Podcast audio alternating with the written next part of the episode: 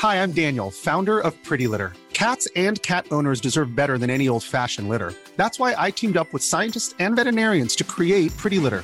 Its innovative crystal formula has superior odor control and weighs up to 80% less than clay litter. Pretty Litter even monitors health by changing colors to help detect early signs of potential illness. It's the world's smartest kitty litter. Go to prettylitter.com and use code ACAST for 20% off your first order and a free cat toy. Terms and conditions apply. See site for details. I den här podden så pratar vi kanske mest om teknik som går väldigt bra eller liksom blir framgångsrik på olika sätt. Men har ni några favoritfloppar?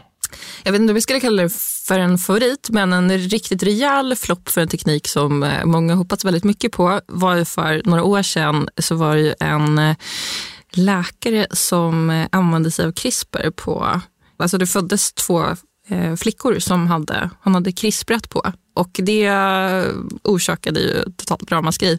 Eh, så det det ser jag som en, som en flopp och det har verkligen liksom gjort att alla har behövt ifrågasätta typ allt kring den tekniken och hur ska man gå vidare. För det är verkligen så här, det var den gränsen man inte skulle gå över.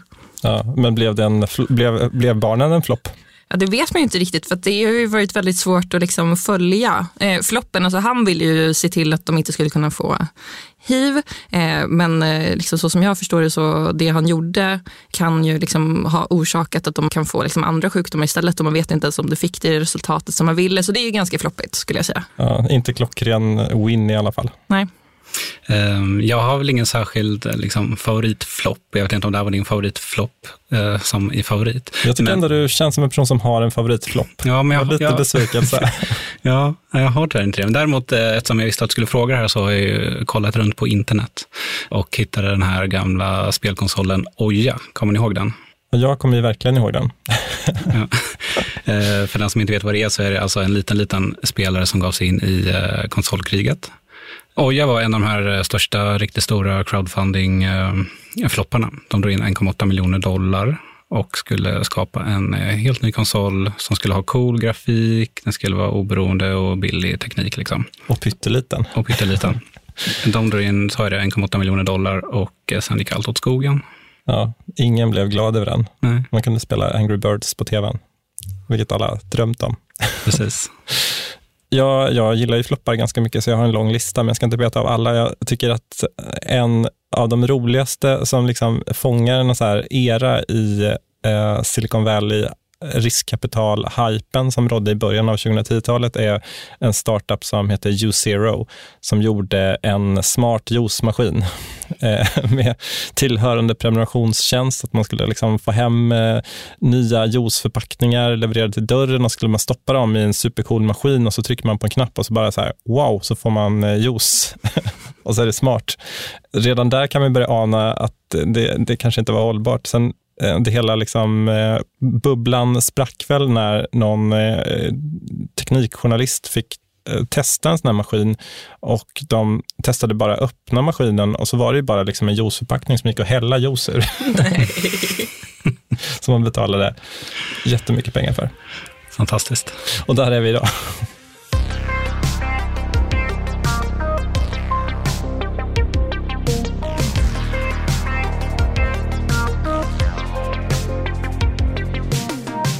Hej och välkomna till det sista ensiffriga avsnittet av Ny Tekniks podcast Amaras lag. Jag heter Simon Campanello och med mig och faktiskt i samma studio den här gången Viktor Krylmark. Hej.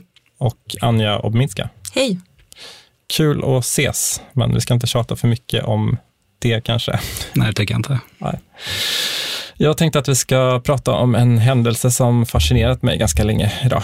Ehm, vi kan säga att den är lite i ropet också, bara för att jag ska kunna motivera att vi pratar om den. Både för att den har tioårsjubileum och för att den har blivit lite aktuell på nytt senaste veckorna. Det ska handla om Google Glass. Har ni några varma känslor inför de här smarta glasögonen? Eh, nej, inga varma känslor. Alltså det var länge sedan jag själv tänkte på dem och när jag tänker på dem nu så är det så här, ganska fula glasögon. Ja, det, det brukar ju lyftas som en av eh, liksom, sakerna som sköt projektet i sank, att de var de ser ganska speciella ut. Mm. Ja, jag minns ju, eh, jag jobbade på en annan tidning och bevakade någon slags eh, mässa eller konferens. Eh, och nu fick jag kolla upp lite och det var 2014 pratade med läkare som eh, ja, liksom såg framför sig hur Google Glass skulle liksom användas vid så operationer och hjälpa till. och Man kunde se all data och allting. Och sen så bara hände ingenting. Det var sån hype och sen så bara försvann det. Ja, och det, det är väl lite så det har beskrivits. När, när man listar, så här, om, om man googlar typ eh, tio största techflopparna, då är Google Glass nästan alltid med på de där listorna. För att, eh, det var en enorm, enorm, enorm hype kring de här glasögonen och sen bara rann det ut i sanden känns det som. Men jag skulle nog vilja påstå att det här, det var inget misslyckande. Google var bara väldigt före sin tid den här gången. Om vi ska prata lite kort om Google Glass. De utvecklades på Googles experimentfabrik, brukar kallas Google X, liksom, där, där de här moonshotsen görs, alltså de långsiktiga tekniksatsningarna. Och det var under direkt översyn av företagets medgrundare Sergey Brin. Så det var liksom verkligen ett prestigeprojekt på alla sätt. Och de ville ta fram ett nytt sätt att interagera med datorer. Och testade liksom sig fram massa olika prototyper på det här. Våren 2012 så var de redo att berätta om det för världen. Och då hade förstås, alltså, glasögonen hade ju redan läckt på nätet såklart, som de alltid blir och sådär. Men det stora avtäckandet kom på Googles utvecklarkonferens Google I.O. i juni 2012, där Sergey Brin gick upp på scen i Moscone Center i centrala San Francisco för att visa något helt nytt. Guys, uh we, we're gonna do we're gonna, we're gonna do something pretty magical here and we have a special surprise for you. We got something pretty special for you. It's a little bit time sensitive, so I apologize for interrupting. Um, you've seen some really compelling demos here. They were slick, they were robust. Uh, this is going to be nothing like that. this can go wrong in about 500 different ways. So tell me now, who wants to see a demo of glass? Där någonstans är hype-nivån här. Ni får inte avslöja för mycket nu, men har ni, har ni sett det här filmklippet någon gång? Jag tror inte det. Nej, jag känner inte igen det. Ja, ni, får, ni är in for a treat kan man väl säga ändå. Det som följer efter den här presentationen, det är ungefär tio minuter lång sekvens som kanske är det knäpp knappaste, mest påkostade, mest extravaganta och kanske också mest riskfyllda teknikdemon som eh, någonsin har inträffat. I alla vänta fall. nu Simon, hypar du nu en redan hypad konferens? Ja, och jag hypar hypen kring ja. konferensen. Det, det, finns inga gränser. Jag har sett den här videon massor av gånger och den, den liksom den, den suger tag på något sätt, för det är, det är väldigt häftigt. Det är väldigt, väldigt dumt, fånigt. Och det bara det sticker ut väldigt mycket från alla andra tekniklanseringar jag har sett. En som satt i publiken den här dagen i Moscone Center är Miriam Olsson Jeffrey som jobbar som näringslivsjournalist på HD Sydsvenskan. Men hon bodde länge i Silicon Valley och jobbade som techkorrespondent för flera svenska tidningar. Så Sergey Brin hade ju haft glasögonen på sig på någon konferens i april redan det året och det var ju det året jag flyttade till Silicon Valley var ju en stor grej. Liksom. Och jag, då gick jag på utvecklarkonferensen. 6 000 utvecklare i publiken. Och då eh, demonstrerade Sergey Brin Google Glass genom en live-show kan man ju säga med eh, fallskärmshoppare. Så de hoppade i realtid ovanför Moscone Center där konferensen var och eh, hade då Google Glass på sig kunde man se, jag tror de var fyra, fem stycken, så kunde man se liksom alla deras vyer. Det här tog ganska lång tid också, ska jag säga, att de skulle byta eh, händer på det här paketet. Och, ja, det var en lång process och eh, det jublades ju i rummet. Liksom, det var ju en viss stämning skulle jag säga ändå. Och det här var ju ändå 2012 får man tänka. Det här var ändå någonting kul och spännande när vi fortfarande kunde se One More Thing. När det fanns One More Thing. Jag tycker ändå att stämningen eh, var god och sen, och sen fick de ju otroligt mycket publicitet. Det var väl en smart stunt, tänker jag. Alltså, hörde jag fel eller sa hon att de hoppade fallskärm? De hoppade fallskärm. Rätt ner i en tryck, tryckkokare av 6000 nördar. Ja, ungefär. Och stämningen var god. Stämningen var god. Det börjar alltså med ett luftskepp som glider ovanför San Francisco, där ett gäng snubbar eh, iförda Google Glass-glasögon kopplar upp sig i en videochatt på Google Hangout med Sergey Brin och eh, den här videochatten sänds på storbildsskärmen där inne i den här jättelika konferensanläggningen. Och sen får man liksom följa när de här eh, snubbarna hoppar fallskärm landar på Moscone Centers tak. Eh, där skickar de över eh, paketet till eh, ett gäng eh, så här, eh, trickcyklister som så hopp, gör hopp och trick med cyklar, men som cyklar iväg längs taket fram till någon eh, annan person som står och ska fira ner sig med rep för konferensbyggnadens sida. Eh, och sen kasta över paketet till ännu några cyklister som, som liksom racercyklar inne i själva konferensanläggningen, bland publiken, bland så här, ja men ni vet hur det är på en konferens, så här, står folk och typ eh, tar bjudgodis vid något så här bås och så bara kör förbi två galningar med såna Google Glass-glasögon. Vad synd att de höll tillbaka så. Ja, jag menar det. Och de cyklar hela vägen fram till scenen, förbi hela publikhavet. Det sitter ju 6 000 pers där inne och kollar fram till scenen och lämnar över de här glasögonen. Alltså det, ringer en, eh, det ringer lite över klockan när du återberättar det här. Det känns som att jag har sett videon, men hur kan jag inte komma ihåg? Ja, jag tror det kan vara, jag frågade Miriam också som har varit på jättemånga såna här spektakulära lanseringar i Silicon Valley. Och det här är nog, eh, ingen av oss kunde komma på något som har kommit i, i närheten av det här i, i ren galenskap. Och det är så mycket som kan gå fel också. Det, händer, det är ju livesänt. Det är inte bara, alltså, visst, man kan ju prata om att det är farligt att hoppa fallskärm, men jag tänker framför allt så här, Google Glass det var ju en prototypprodukt som visades upp och, och något som väldigt många klagade på när Google Glass började säljas var att de hade ju ingen mobiluppkoppling i sig. De var uppkopplade via wifi hela tiden. Så bara så här uppkopplingsbiten, hur, det är typ 20 pers som har Google Glass-glasögon, är uppkopplade det här videosamtalet och videosamtal 2012, det var inte så bäst i världen. Men, men på något sätt får de tekniken att funka hela tiden utan att något så här buggar ur eller någon tappar uppkopplingen. Så här. Jag tycker det skulle kunna bli lite som det här Kommer ni ihåg Cybertruck-lanseringen när Elon Musk ska visa hur, eh, hur hård eh, rutan är på en Cybertruck? Ja, den minns jag väl. Ja, så går han fram och ska slå till rutan med typ en stol eller sånt där för att visa och så bara spricker rutan. Oh my god. Well, maybe that was a little too hard. Det känns ju som att det fanns hundra tillfällen under den, här under den här processen där exakt den grejen hade kunnat hända. Och samtidigt ska man komma det, det är ju extremt påkostat. Samtidigt ser det ju ganska taffligt ut. För det är ju så folk som filmar med, med ganska dålig, kameror med ganska dålig upplösning som, de film, som sitter på huvudet och det streamas på någon så 2012 års streamingtjänst. Så det, det, det, ser inte, det är ju inte så produktionsvärde som lyser igenom heller.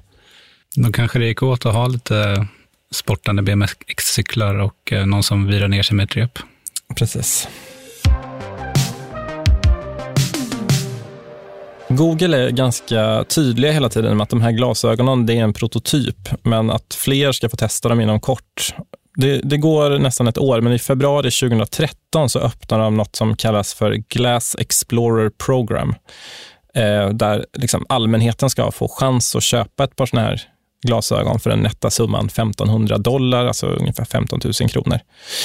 En av de som genast blir intresserade är Eva Morell Olsson som är docent vid pedagogiska institutionen på Umeå universitet. Eh, jag satt en lördagkväll och googlade om det här med, med Google-glasögon. Liksom, vad är det? var liksom så svårt att få grepp om vad det var för någonting.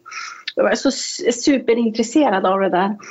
Och då eh, hittade jag plötsligt att Google hade då sin den här tävling. Där att vanliga personer skulle kunna få liksom ansöka om att få köpa ett par Google-glasögon. Eh, men, men jag, jag, slängde ihop en, en, en, tweet i alla fall och, och, så skickade, liksom, skickade iväg. Och sen tänkte jag som inte så mycket mer på det. Det var som en, ja, som en liten rolig grej. Man kan aldrig ana vad som hände sen. Jag har ingen aning. ja, den, den, tävlingen funkade ungefär så här att den som ville köpa ett par sådana här glasögon skulle berätta det under hashtaggen if I had glass på Twitter. Eh, jag lyckades gräva upp Evas tweet från 2013 den lyder så här. If I had glass I would explore how life would change with the right information at the right time and how it could excite people around me. Och jag tycker det är en ganska bra motivering till varför man ska eh, använda de här. Det är, det är väl precis så man ska tänka på Google Glass, att det är liksom en, eh, ett sätt att ta del av information hela tiden utan att vara liksom, eh, stirra ner en telefon eller ta upp en dator. Speciellt kanske man, om man jämför med vissa andra eh, motiveringar. Min favorit, mindre bra motiveringar, kommer från den republikanska politikern Newt Gingrich, som då var talman i den amerikanska kongressen. Vet ni vad han skulle ha gjort om han hade Google Glass? Har ni några gissningar? Inte den blekaste. Skulle vi få se hur makten fungerar inifrån? Skulle vi få följa liksom, Ja, spännande? Skulle det bli som, som The West Wing fast i första persons vy? Det känns, nej. nej. I would take it on tours of zoos and museums to share the animals and fossils. Som ett äh, litet äh, Instagram då? Typ. Ja. Tack för det, en av världens mäktigaste män som vill ge inblick i sitt liv. Jag tror han fick ett par glasögon för det, faktiskt. Kanske har mer med publicitet än, än tillämpning att göra. Eventuellt. Men om vi ska tillbaka till Eva Morell Olsson. Och sen på, på påskafton faktiskt så fick jag liksom ett ja, pling i telefonen. Liksom bara också ett svar på, på tweeten tror jag bara. Juhu, du har kommit med i Glass Explorer Program och då trodde jag först att det var ett aprilskämt. Att jag tänkte att åh, någon av mina kollegor de har sett att jag har tweetat det här, nu kommer jag få skämmas. att jag liksom har sökt till tävlingen men, men det var inte så. Och sen på midsommarafton, de hade en förkärlek för aftnar tror jag. Eh, så på midsommarafton samma år, 2013, då, då fick jag också meddelande. Ja, nu kan du komma och hämta dina Google-glasögon. Eh, och då fick jag ju som välja, man var ju tvungen att åka till USA för att och hämta dem då. Jaha, okej. Det var så Ja. avancerat. Det var var som, inget så- man kunde posta hem. Nej. Så att jag åkte faktiskt till New York och hämtade dem där. Jag klev upp liksom på Googles kontor. Och egentligen så skulle man ju bo i USA för att få hämta dem där. Och jag, jag vet inte hur det, men jag fick hämta dem i alla fall. Så jag var i alla fall den första svensken som bodde i Sverige som fick ett par Google-glasögon. Vilket imponerande engagemang. Ja, det men också ganska höga krav att ställa på någon. Att du, ska, du ska punga upp 15 000 spänn för att testa vår prototyp. Men vi tänker inte skicka den till dig. Du får, du får flyga på egen bekostnad till New York och hämta ut glasögonen. Precis, måste visa att du verkligen, verkligen, verkligen vill ha dem. Och det var tydligen lite, alltså som, som hon sa där, något, i det finstilta någonstans så stod det att det var bara folk som bodde i USA som fick hämta ut. Så hon fick faktiskt först besked från Google i Sverige att ah, men jag är ledsen, du, du har vunnit tävlingen, men eh, du kommer inte få några, men, men kom till, kom till Google-kontoret i Sverige ska du få testa ett par. Så då fick hon åka dit och testa först några månader innan det här och blev väl därmed en av de första personerna i Europa och faktiskt testa de här glasögonen också. Eh, Men sen på något sätt så slank hon genom systemet och, och fick ändå köpa ett, det tycker jag är en fin historia. Härligt. Men vad, varför var det bara folk i USA som skulle få? Jag vet inte, det är ofta de här betaprogrammen så brukar det väl vara amerikanska, ja, det, det, riktar sig väl mot eh, hemmamarknaden på något sätt. Okej. Jag vet inte varför. Men jag har ett eh, litet minigräv också. För eh, hörde ni att Eva sa att hon var den första svensken som bodde i Sverige som fick Ja, ett par? jag undrade Ja. precis eh, över den saken. Ja. Jag har lyckats reda ut här en nio år gammal tävling. Det fanns två svenskar på den här listan som fann eh, ett par glasögon, eller vann rätten att köpa ett par glasögon. Eh, det var Eva och så var det Pernilla Näsfors Östmar som skrev att hon ville använda glasögonen för att dokumentera Katmandu. Och genom väldigt gediget detektivarbete, nämligen att jag har mejlat lite med Pernilla, så kan jag berätta att Pernilla hämtade ut sina glasögon några dagar innan Eva gjorde. Så Pernilla var första svensken att hämta ut glasögon, men hon bodde i USA.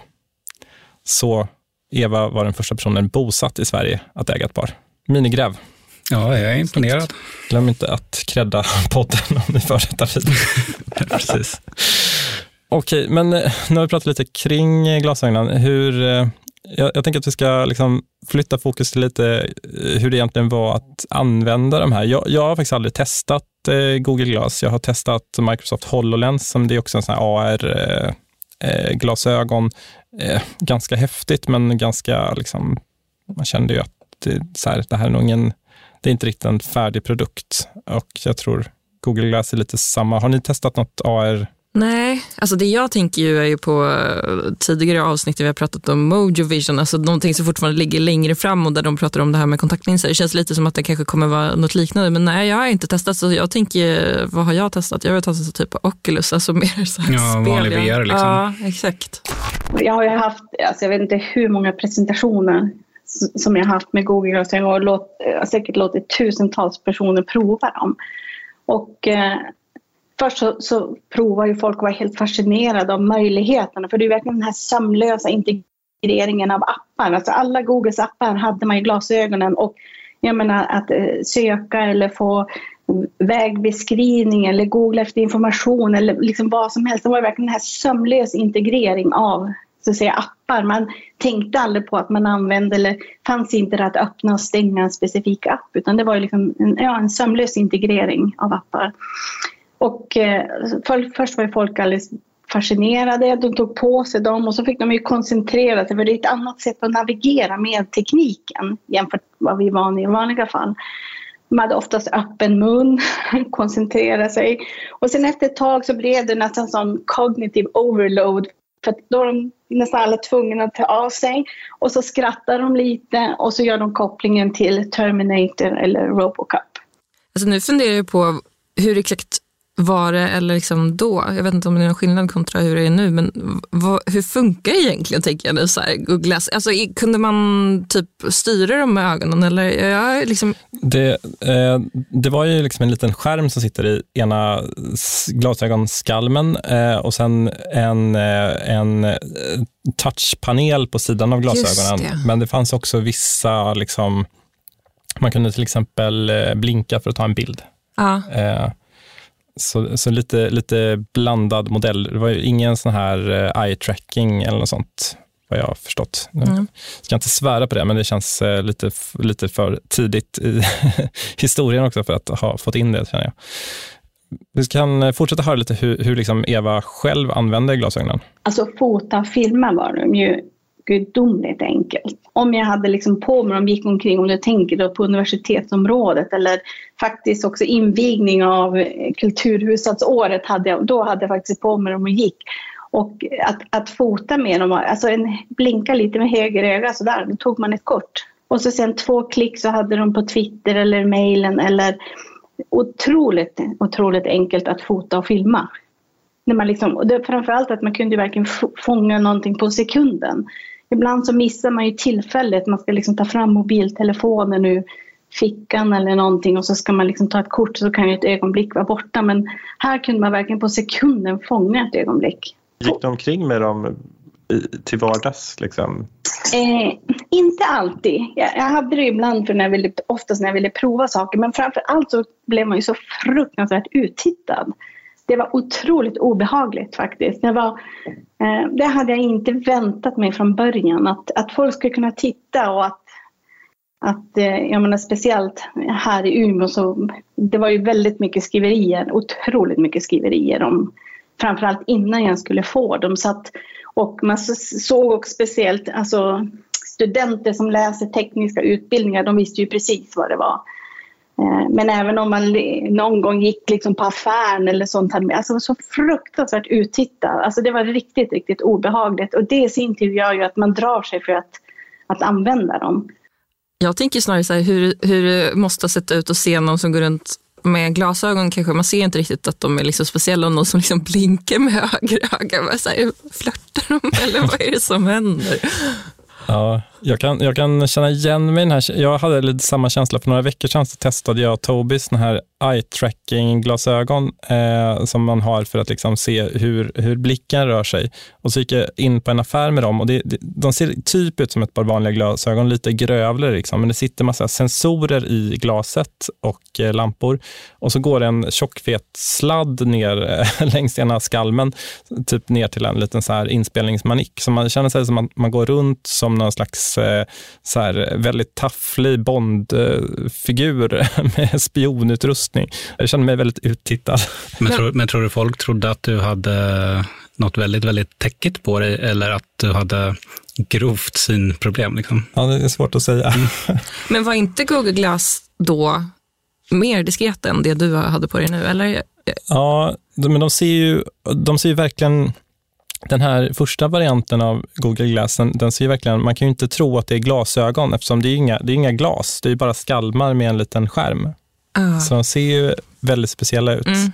Eh, Så jag, jag kan nog ändå tänka mig att man blev lite uttittad. Ja. Och eh, ja, men framförallt, det är väl också så här som, som eh, med all ny, allt nytt man tar på sig. Jag, jag kan tänka mig att de första som köpte ett par airpods blev nog också ganska uttittade. Det var ju, nu har man ju glömt bort det, men det, alla tyckte ju att eh, folk som bar på airpods såg ut som idioter väldigt länge. Det här är ju liksom flera steg till. Det här är verkligen något man sätter i ansiktet, eh, som dessutom har en kamera i sig. Och så där. Ja, det är nog en speciell situation. Livet som eh, Sveriges eh, tidigaste early, early, early adopter. Ja, det är inte helt lätt, förstår vi nu.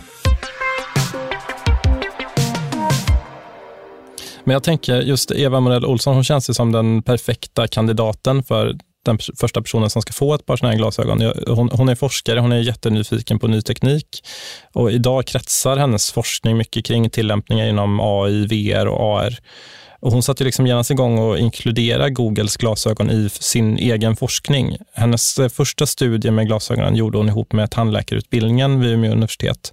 Och I normalfallet så står det liksom en grupp studenter runt läraren och försöker se vad läraren gör inne i patientens mun. Det, blir, det, känns, det är en situation där det, fin- ja, det är svårt att se vad som händer. Liksom. Så det de testade Eh, var att använda Google-glasögonen för att försöka hitta en enklare lösning som gjorde att alla eleverna liksom, eller studenterna kunde se vad det var som hände. På bi- vänstra bilden här, då ser du att tandläkaren använder Google-glasögonen och har en patient framför sig. Och det här är ju typexempel att kunna använda eh, röst och rörelsestyrda enheter där du behöver använda händerna till annat. Så tandläkarexemplet är ju ett bra exempel för, för andra. Jag använder inte mycket i min föreläsning för att andra ska förstå just det här med att använda röst och rörelsestyrd teknik. Så att bilden i mitten den är faktiskt tagen med Google-glasögonen. Och det vi gjorde då var att hon tog bilder med att säga okej okay, glas, take a picture. Och sen så projicerade via mobiltelefon då, bilden som Google-glasögonen tog upp på en vit duk så att säga. Så att studenterna kunde då titta på när hon pratade om tänder, olika tänder hos patienten så kunde studenterna liksom då titta på, på skärmen samtidigt. Här känner jag att man då förstår liksom vad, vad den tillför. Annars, man hamnar lätt i en diskussion när man frågar sig, vad, vad, varför ska man ha ett par smarta glasögon till? Här finns en ganska tydlig applikation i alla fall. Ja, och jag tänker tillbaka på det här när jag pratade med läkaren där 2014. Det var just något liknande, alltså ändå operationer, men, men man förstår ju framför sig liksom ser man ju att man kan ja, men få större bilder och så. Så det, det kan jag verkligen se en, en funktion för. Och det är lite samma som vi pratade om i förra avsnittet om eh, Mojo Vision med de här smarta linserna.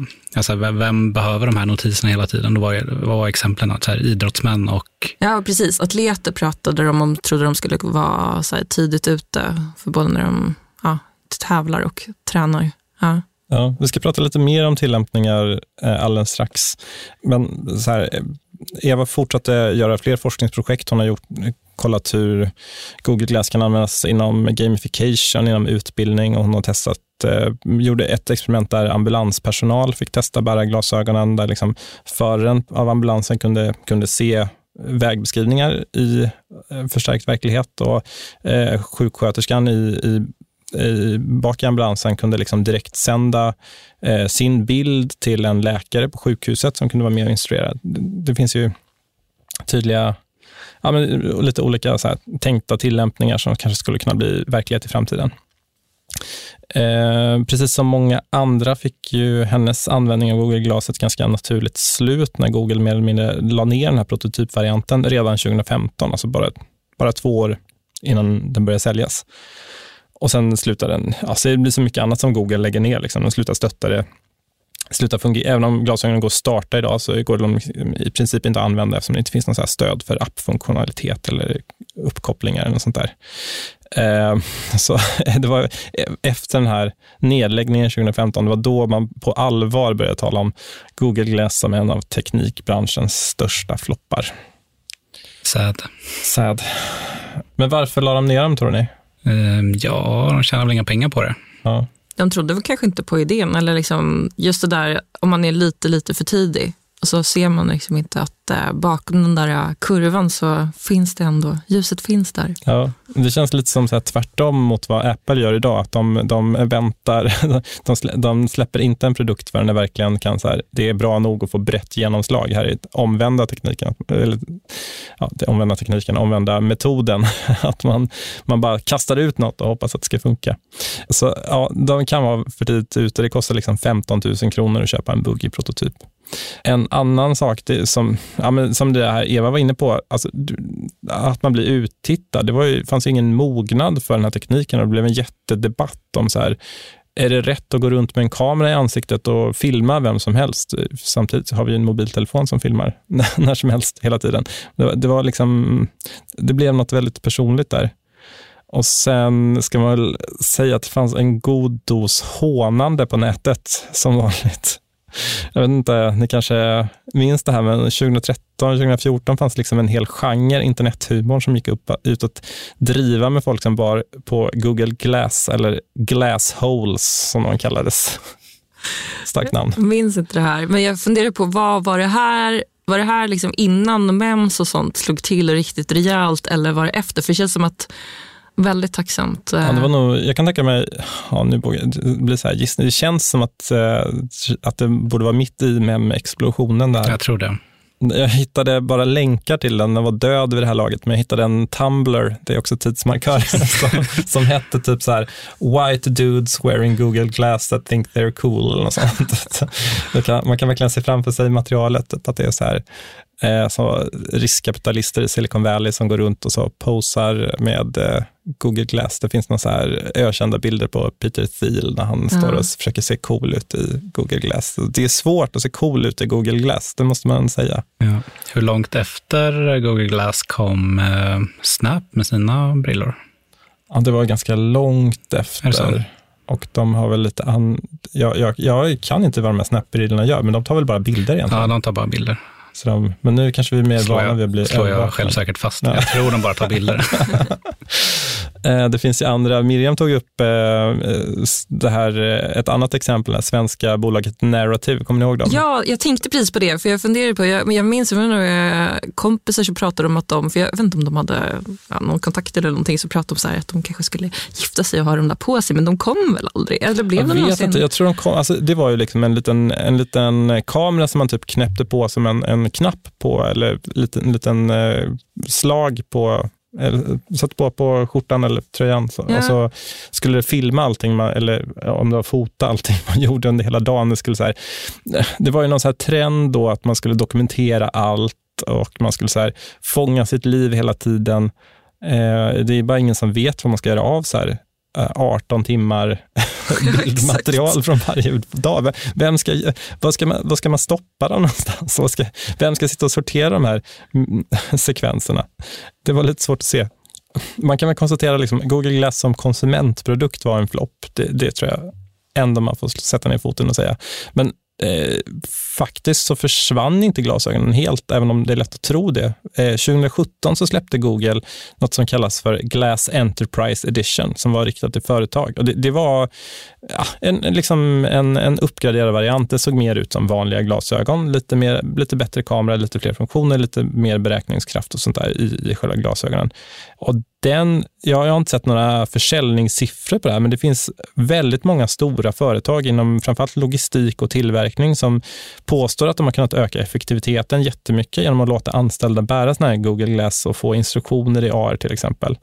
Och de säljs ju fortfarande, så det, det Eh, och det finns andra tillverkare som har eh, tagit fram liknande nischprodukter. De säljs inte på konsumentmarknaden för de är superdyra och de använder väl så här, eh, de är väldigt tydlig tillämpning liksom för vissa case, men, men det, det finns ju kvar tekniken.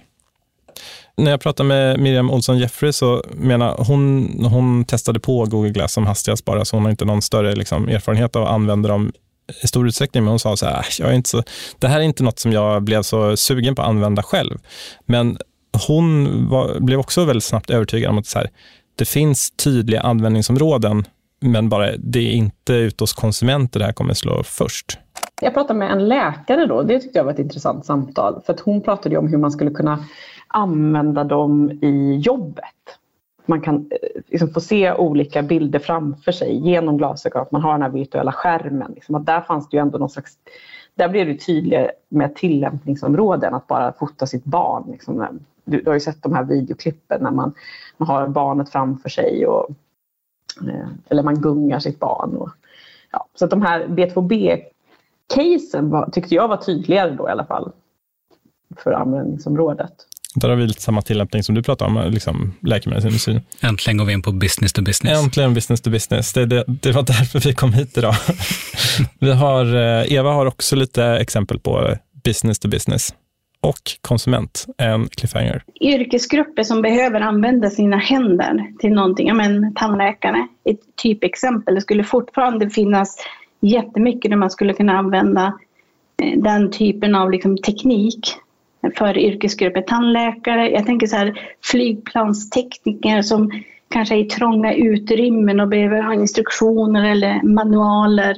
Eh, själv skulle jag egentligen verkligen kunna tänka mig att när man ska sätta ihop IKEA-möbler, att kunna ha möbeln och titta vad är det för skruv eller vad är det som ska in för att kunna sätta ihop det där och kunna ha allting utlagt på golvet och så skulle brillorna kunna visa att det är precis den här du ska ha. Det där med att montera möbler, det var ju väldigt smart. Det känns ju som att det måste finnas en enorm efterfrågan på det. Eller hur?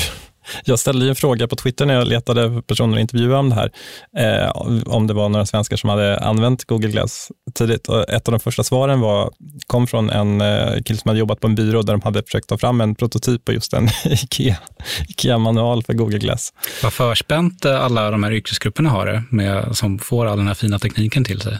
De, hittills har vi bara pratat om läkare, tandläkare och så vidare, men eh, ändå. De går till sitt jobb, helt plötsligt så bara, här har du ett par superbra glasögon som du kommer bli typ 500 procent bättre på ditt jobb. Varsågod. Ja. Tror du alla kommer ta emot det med öppna armar och jubla? Nej. Men de borde. Vis av erfarenhet. Mm. För jag funderade ju på det där, eh, apropå att du pratade om de som inom Enterprise, att de har testat. Alltså, det känns lite stressande, eller? Att, om man tänker sig att man har på sig de här glasögonen som håller på, man får instruktioner, chefen bara, gör det här nu ja. via glasögonen.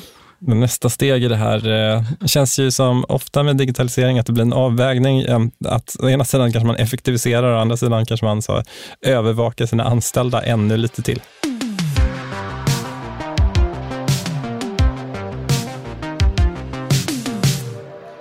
Efter Google Glass så har det kommit liksom Microsoft HoloLens som vi pratat lite grann om. Det har kommit Magic Leap som också blivit så här superhypade men haft jättemotgångar. Eh, både Meta slash Facebook och Apple är på väg att utveckla egna AR-glasögon så att så här, tekniken verkar ju onekligen vara på väg och det, när man pratar om det här metaverse så finns det ju en AR-komponent där också, att man tänker sig att liksom, vi ska se eh, AR-projektioner i världen runt omkring oss och då behöver vi sådana här glasögon.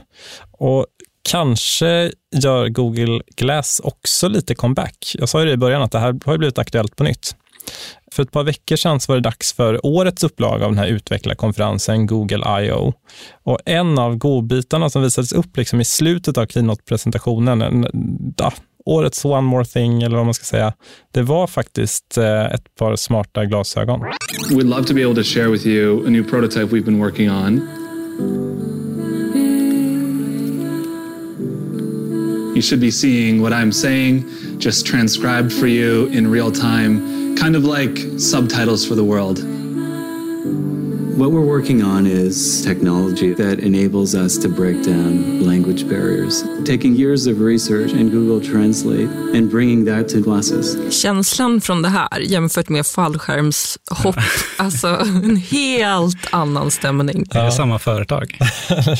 det är som när man tänker på, har ni sett den här gamla Microsoft-lanseringen där de står så hoppdansar och skriker ja. Windows? Och, Många gånger. Jag älskar den. Ja, eh, det, känns, det känns som samma transformation där. Men ja. Eh, det där tycker jag låter, uh, jag vill ha subtitles for the world. Ja, det ser skitcoolt ut. Om, om man har missat den här videon så gå in och sök upp eh, den här presentationen från Google I.O. Den visar alltså ett par smarta glasögon som kan översätta i realtid och projicera det den andra säger framför dina ögon. Det visar både liksom hur det kan överbrygga språkbarriärer mellan människor och fungera som hjälpmedel för personer med hörselnedsättning. Och det, det ser ju, det, det, här, nu börjar man känna så här, lite mer något som faktiskt känns framtid tycker jag. Alltså fint. Och också så här, babelfisk snart. Just det. Enda som talar lite emot det här är att Google har ju lovat det här förut. Jaha. det var inte så många år sedan de släppte eh, några hörlurar som kallas Pixel Buds som skulle kunna göra exakt det här, Just det. översätta i realtid. Jag har inte testat de här, jag har bara läst om andra som har testat dem. De verkar inte jättebra. Mm. Tråkigt. Vi får väl se. Men jag blir ändå lite positiv. Och än så länge, Google har liksom inte sagt något mer om de här glasögonen som de visade upp och de har ju bara visat upp just den här översättningsfunktionen, så vi vet inte om det blir liksom en ny Google Glass. Men jag vågar nog ändå chansa, eftersom vi ser sån stor trend med utveckling inom AR och hela det här metaverse-hypen. Liksom. Så jag vågar nog chansa på att det här är lite en, en, att de, de smyger ut nya Google Glass på det här sättet. Det kommer komma fler nyheter kring det här närmaste året eller åren. Och jag, Eva är lite inne på samma spår efter att ha sett den här senaste presentationen. Min gissning, om man nu får vara väldigt ovetenskaplig och gissa som forskare, så tror jag att de kommer integrera fler av sina appar av det de presenterade på Google I.O. till exempel. Det, det är jag liksom övertygad om, för det var ju det som redan fanns i, i Google-glasögonen också. Du, du som var med och, använde Google Glass länge själv, är du, är du nyfiken på liksom nästa generation av den här tekniken? Mm. är det något du skulle vilja, ha, vilja använda själv? Absolut. Absolut. ja, men det, det, är alltid det är spännande att se liksom, just det var Eh, liksom vad det kan göra med till, tillgänglighet är det oftast det handlar om. Att tillgänglighet till information. Att kunna få information här och nu när vi behöver den.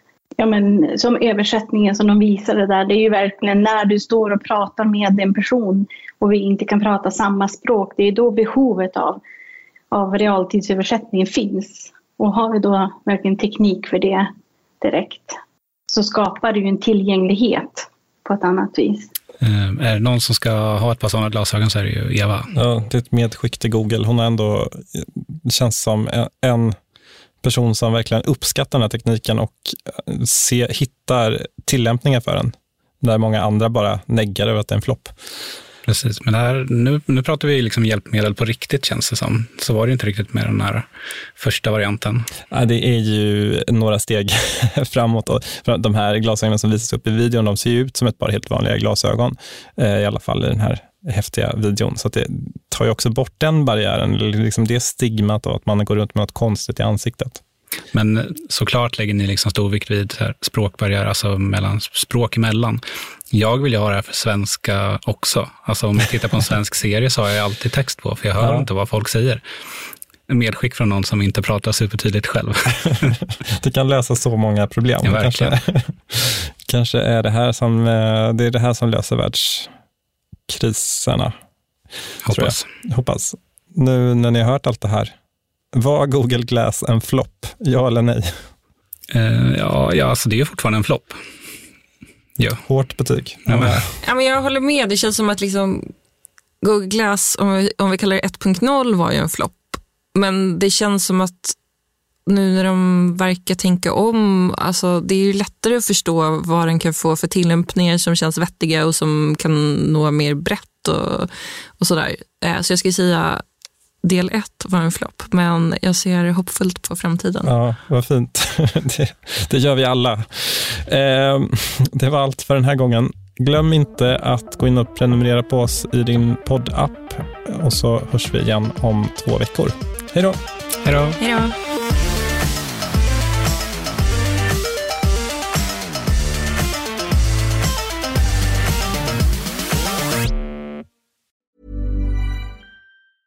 Hi, I'm Daniel, founder of Pretty Litter. Did you know cats tend to hide symptoms of sickness and pain? I learned this the hard way after losing my cat, Gingy. So I created Pretty Litter, a health monitoring litter that helps detect early signs of illness by changing colors, saving you money and potentially your cat's life. Pretty Litter is veterinarian developed, and it's the easiest way to keep tabs on your fur baby's health right at home. Go to prettylitter.com and use code ACAST for 20% off your first order and a free cat toy. Terms and conditions apply. See site for details.